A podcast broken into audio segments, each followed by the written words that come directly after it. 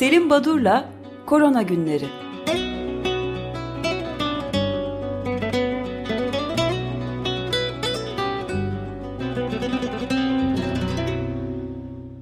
Günaydın Selim Badur, merhabalar. Merhaba, günaydın. Günaydın. Özdeşler, herkese iyi haftalar, günaydın. Efendim, e, bugün e, itibariyle 535 milyon 247 bin e, kadar e, Covid olgusu var yeryüzünde. 6.3 milyon kadar da e, bu enfeksiyon nedeniyle pandemi sürecinde yaşamını yitiren kişi var ve son yaptığımız programdan bugüne dek ortalama sayılara baktığımızda günde 481.176 kadar olgu listeye eklenmekte. E, aşılamalara bakıldığında bugüne dek 11.6 e, milyar doz aşı kullanılmış ama tek doz aşı kullanımı gelişmekte olan ülkelerde, yoksul ülkelerde %17.8. Bu tabii çok düşük bir oran. Bir türlü e, yükseltilemedi. Bütün bu süreçte, bütün eleştirilere, bütün e, e, tehlike e, çağrılarına rağmen Ülkemizde ise e, toplumun %62.4'ü tam aşılanmış. Yani iki dozla aşılanmış. Tam aşı diye o şekilde tanımlıyorum. Çünkü bu konuda da bir standartizasyon yok. Kim tam aşılı sayılacak? Yaklaşık 53 milyon kişi e, aşılanmış. Şimdi e, bu aşılanmalar sonucu işte e, toplumlarda e, Covid geçirenler sonucu bir toplumsal bağışıklık kısmen de olsa oluşmaya başladı ve bunun sonucunda da e, olgu sayılarında azalma var biliyoruz. Ülkemiz başta olmak üzere birçok ülkede önlemler e, kademeli olarak kaldırılmaya başlandı. Hani ortada örneğin Türkiye'de bir önlem falan kalmadı artık. Peki e, bu pandemi gerçekten e, tehlikenin tamamen ortadan kalktığı şekilde e, e, azaldı mı? E, kayboldu mu? Şimdi baktığımız zaman e, Fransa'da son iki haftada olgu sayısında yüzde 28'lik bir artış var. E, ciddi bir artış. Her ne kadar e, yoğun bakımlara başvurular yüzde 15, ölümlerde ise yüzde 24'lük bir azalma olsa da e, enfeksiyon hafif şekliyle e, devam ediyor, devam ediyor, sürüyor. E, e, tabii ilginç bir nokta e, bu çıkan yeni varyantların ne kadar bulaşıcı, ne kadar ağır hastalık yapıcı, ne kadar ölümcül e, özellikleri var. Buna bağlı olarak e, seyir değişik oluyor. Portekiz'de ilginç bir gelişme var. E, bu omikron varyantının işte BA1, BA2, 3 diye e, tanımlanan alt varyantları vardı. E, BA5 endişe verici e, biçimde artmakta Portekiz'de. E, bu ülke Tayvan'dan sonra e, insidans değeri olarak yani hastalığın yaygınlığı açısından ikinci ülke. 100 binde 3559 olgu var e, Portekiz'de. Fransa'da mesela 100 binde 405 olgu var. Testlerde pozitifliğe bakınca yani e, test yapıyorsunuz. Kaçını pozitif buluyorsunuz? Fransa'da yapılan testlerin %17'si pozitif sonuç verirken Portekiz'de %54,5'u pozitif e, sonuç veriyor ve son kıyaslamada mortalite yani COVID'e bağlı ölümler açısından e, Fransa'da 1 milyonda 12 kişi yaşamını yitirirken e, Portekiz'de bu oran 1 milyonda e, 44. Kısacası e, Portekiz'de ilginç gelişmeler oluyor ki Portekiz aşılama oranı Avrupa'daki en yüksek ülkelerden birisi. İki doz aşı olanların oranı bizde ülkemizde yüzde 62 kadarken Portekiz'de yüzde 95'i toplumun iki doz aşı olmuş. 3 doz aşı olanlarda yüzde 76'sı. Buna rağmen e, Portekiz'de olgular özellikle bu ori, e, Omikron BA5 varyantının alt tipinin hızla yayılmasına bağlı olarak olgu sayıları artıyor. 22 Nisan'da maske zorunluluğunu e, kaldırmışlardı. Sadece toplu taşımalarda, hastanelerde ve yaşlı evlerinde e, takmayı sürdürüyordu Portekizliler.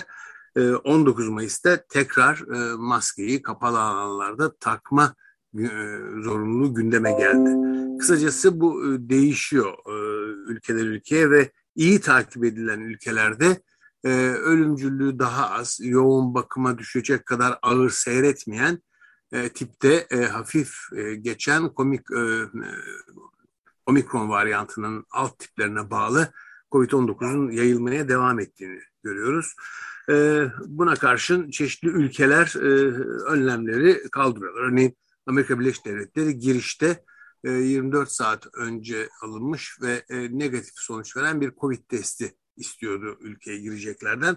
12 Haziran'dan itibaren yani dün itibariyle bu uygulamayı kaldırdı. Bunu özellikle hava yolları şirketleri istiyorlardı böyle bir önlemin kaldırılmasını.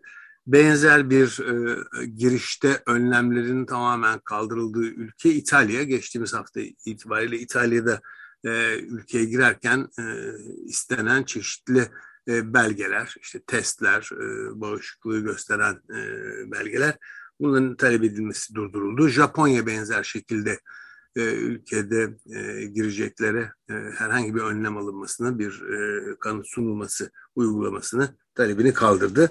Küba'da da e, yaklaşık iki yıl kadar sürecek maske kullanımı deniyordu. E, bu uygulama e, kaldırıldı. Şimdi bütün bunlar olup biterken tabii e, ben Covid'den bahsetmeye başladım. Tekrar döneceğim hemen Covid'e ama e, dünyanın farklı bölgelerinde farklı enfeksiyonlar da e, hortluyor deyim yerindeyse. Menen'de kolera salgını e, bildirildi. Nijerya'da menenjit salgını bildirildi. E, ve Dünya Sağlık Örgütü diyor ki e, 20 Afrika ülkesinde kızamık, sarılma ve poliomiyelit e, alevlenmeleri var. Özellikle Covid... Çocuk felci yani değil mi? Polio evet çocuk felci.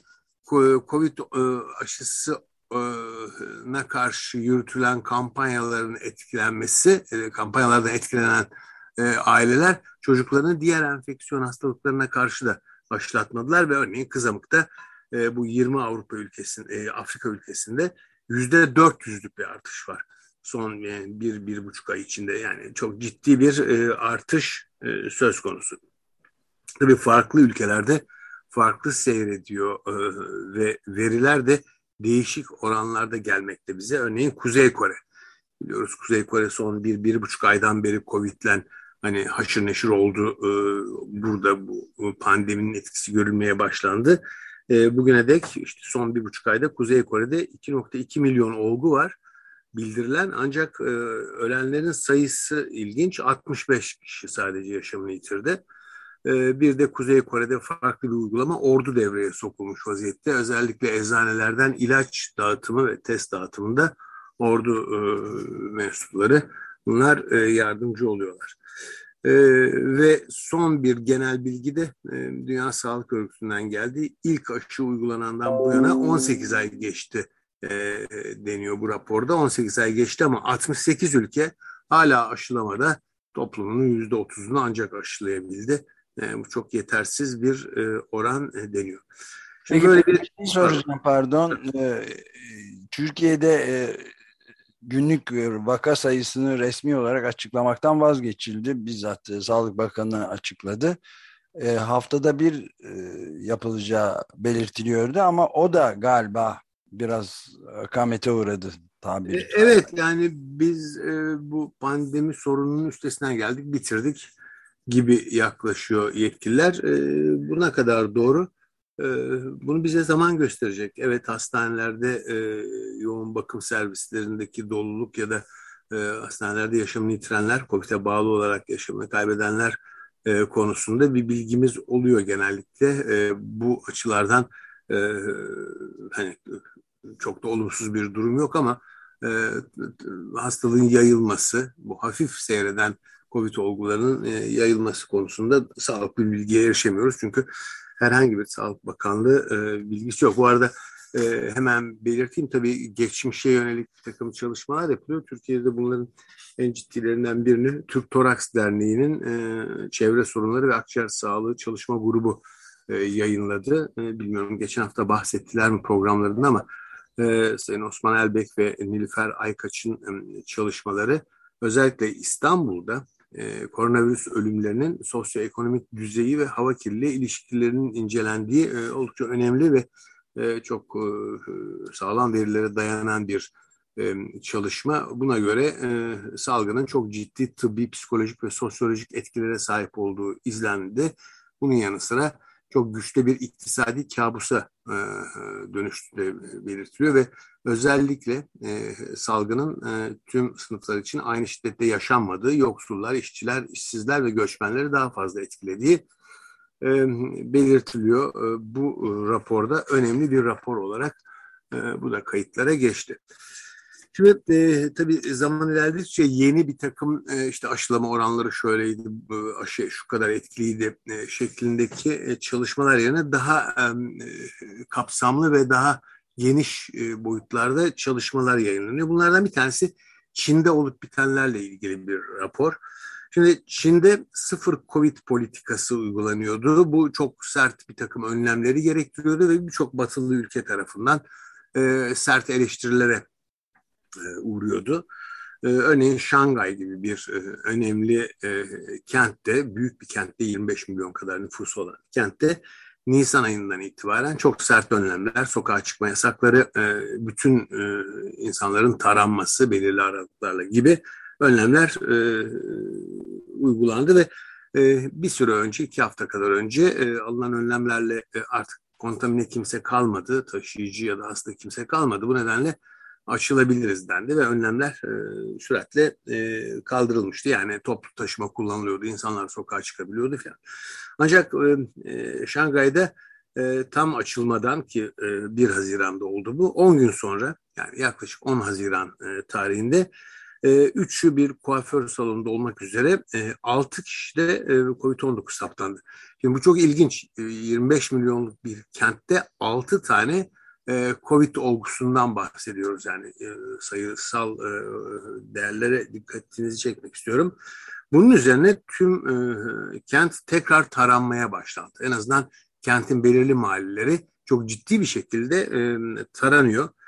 bunun için 2.7 milyon kişiye evde kal çağrısı yapıldı ve örnekler alındıktan sonra ancak serbest kalıyorlar, sokağa çıkabiliyorlar.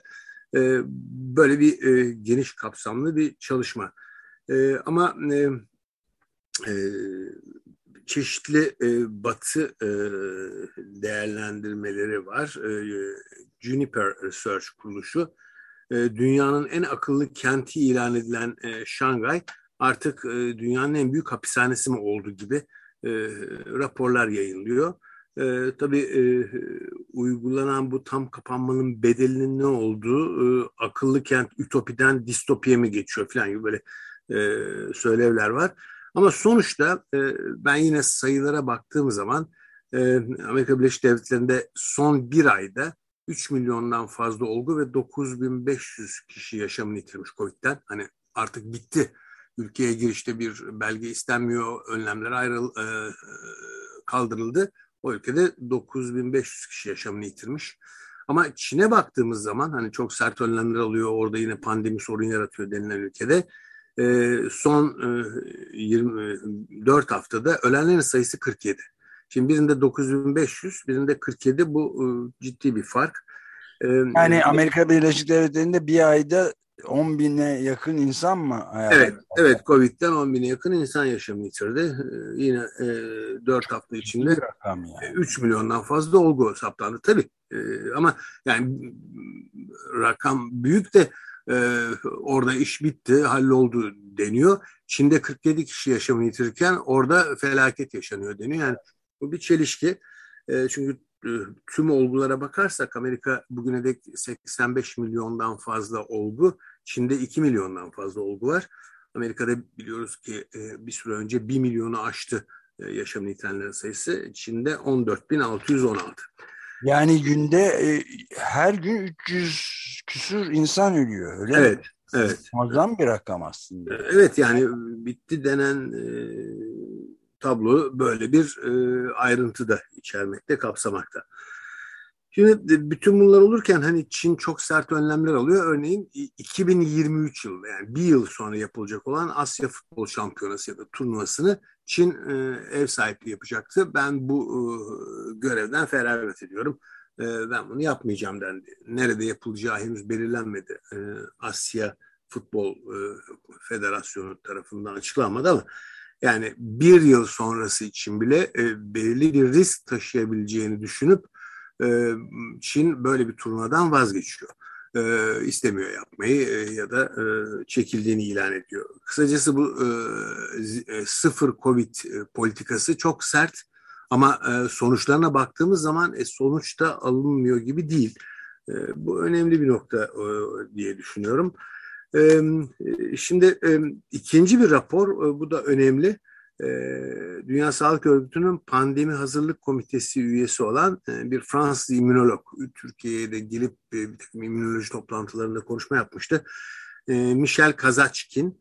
Şimdi Michel Kazaçkin ilginç bir açıklaması var. Diyor ki Covid aşılarının etkinliği konusunda kafalarımızda bir hiyerarşi oluşturduk ve bir ön yargı ile beraber hep hem kuzey hem de güney ülkelerinde e, bu ön yargıyı topluma dolaylı yollardan e, empoze ettik. Bu da yeni teknolojiyle hazırlanan işte vektör ya da mRNA aşılarının daha iyi olduğuna dair bir e, algı e, yaratıldı. E, ama son e, noktada, gelinen noktada e, gerçek dünya verilerine baktığımız zaman hani o Sinovac aşısının yani inaktif aşı, aşının ülkemizde kullanıldığı için bu aşının adını söylüyorum ama diğer inaktif aşılarında hani işte söylendiği kadar etkisiz olmadığı görülüyor son kertede demiş bu raporda. E, Sinovac'ın 3 dozu Pfizer ile e, Pfizer BioNTech ile aynı etkiye sahip. Nitekim bunu Türkiye'de biz gördük aslında hani göz ardı ediliyor Sinovac aşısını yok sayın e, deniyor bir dönem ama e, bakın çok sayıda sağlık çalışanı Covid'den yaşamını yitirmişti ve 2021'in e, ilk aylarında Ocak-Şubat aylarında sağlık çalışanları öncelikli olarak e, o gün Türkiye'de olan inaktif aşı ile bağışıklandılar ve bu e, kesimde bu grupta sağlık çalışanlarında ölümler birdenbire yok oldu, ortadan kalktı. Bu tip göstergeler bile Sinovac aşısının e, hani söylendiği gibi öyle çok etkisiz e, hani, e, göz ardı edilip e, küçümsenecek aşılar olmadığını gösteriyordu ama bu da e, zaman içinde ortaya çıkıyor yavaş yavaş. E, böyle bir bilgi de var. Şimdi e, bu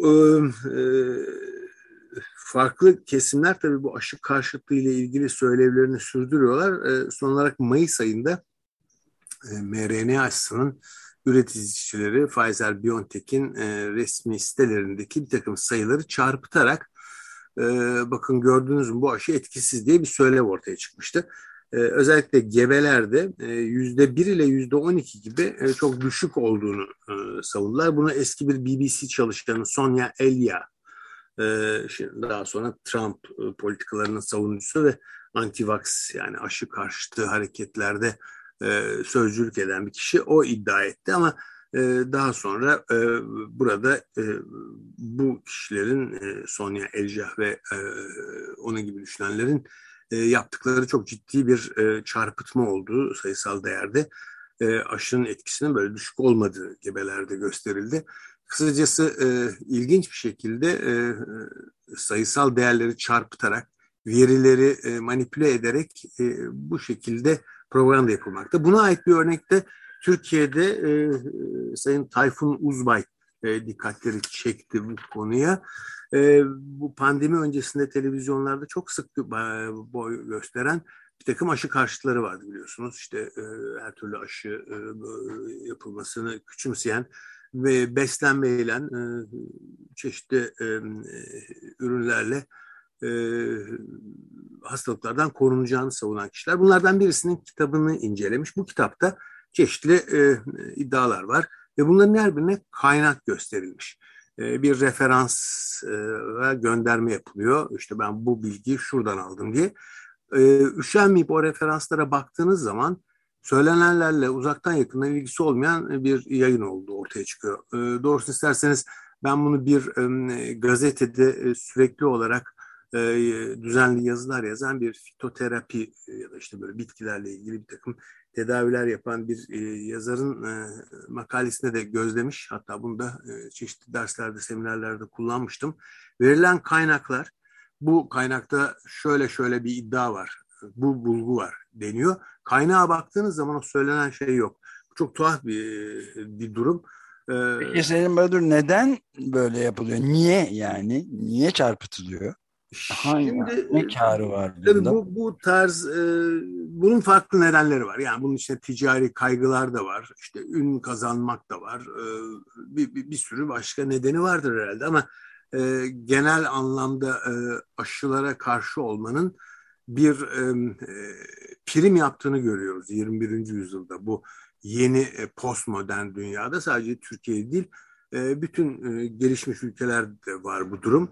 E, bunu alternatif tıp e, adı altında da e, yapıldığını biliyoruz. İşte ilaç veya aşı endüstrisinden bağımsız biz daha e, doğruyu söylüyoruz diye ama bu alternatif tıp konusunda e, yeni çok kullanmaya başladığım bir e, e, tanımlama ya da kıyaslama var. Şimdi bu tıbbın alternatifi oluyor da siz hiç acaba alternatif mühendislik, alternatif avukatlık, hukukçuluk falan gibi bir şey duydunuz mu bilmiyorum. Bu, ben, ben çok sık rastladığımı düşünüyorum alternatif yargıçlar. Değil mi? Yani bu, yargı organı var mesela birçok yerde. evet o, o bize özgü bir şey. Bir durum evet alternatif yargıç. Bakın alternatif tıptan sonra alternatif yargıç hoş bir tanımlama bulmuş olduk birlikte. Paraleli var deniyordu ama. E, paraleli var da işte her türlü evet yani e, çeşitli alternatifleri var gerçekten.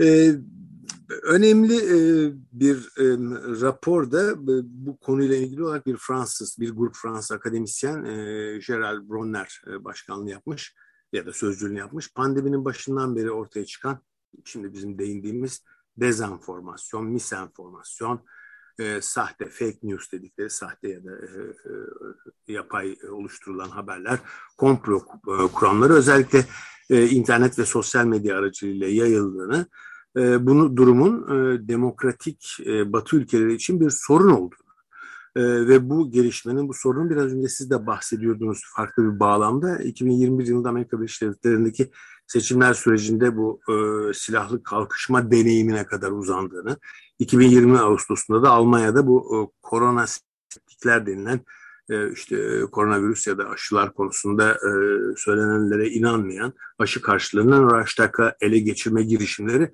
bütün bunlarla çok ilintili olduğu e, belirtiliyor. E, konuyla ilgili yüzlerce çalışmanın e, yapıldığı e, ve komplo kuramlarının olası nedenlerinin üç grupta toplandığını belirtiyor bu rapor.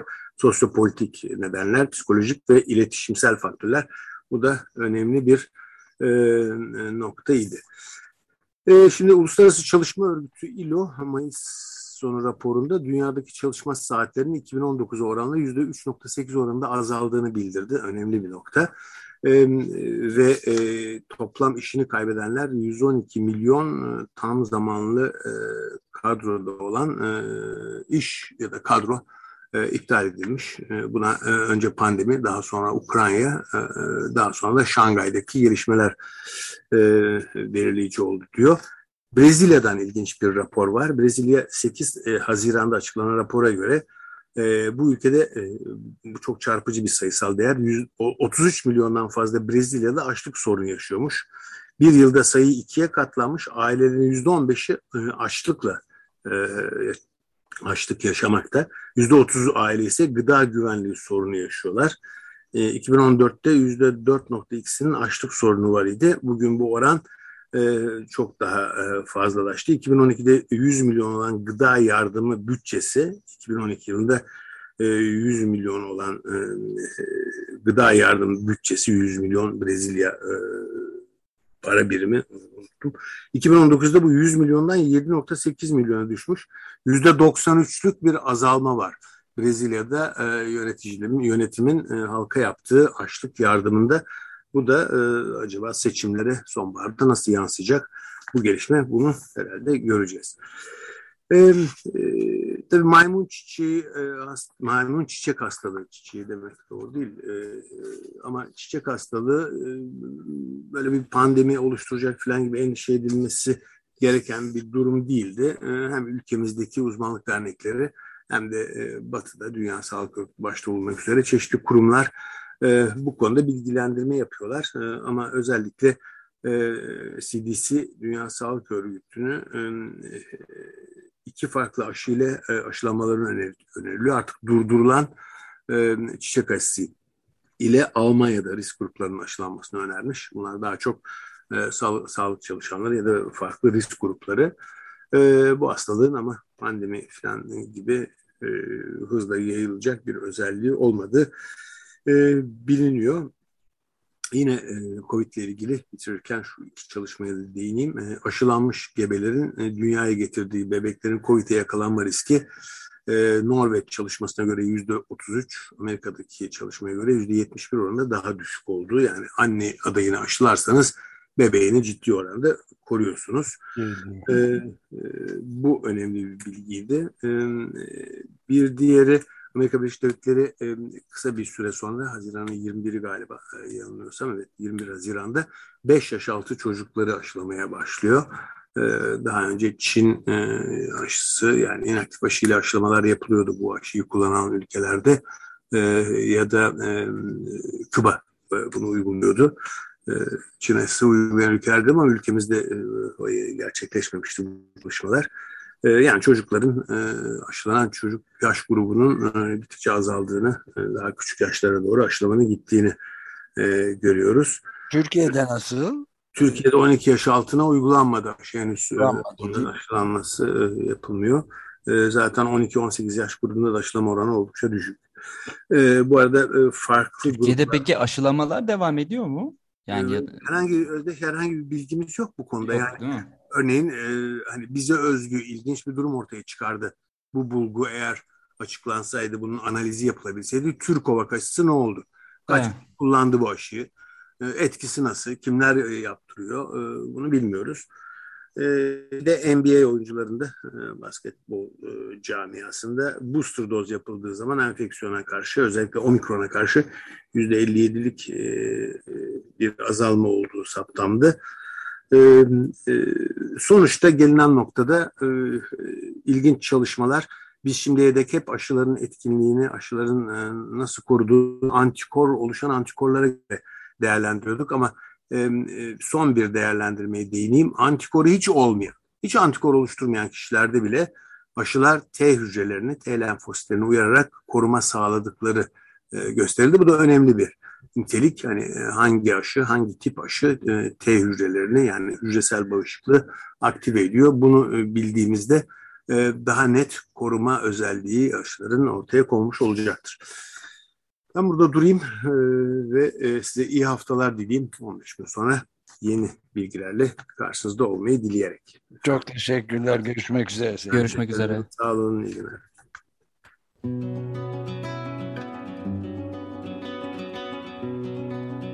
Selim Badur'la Korona Günleri.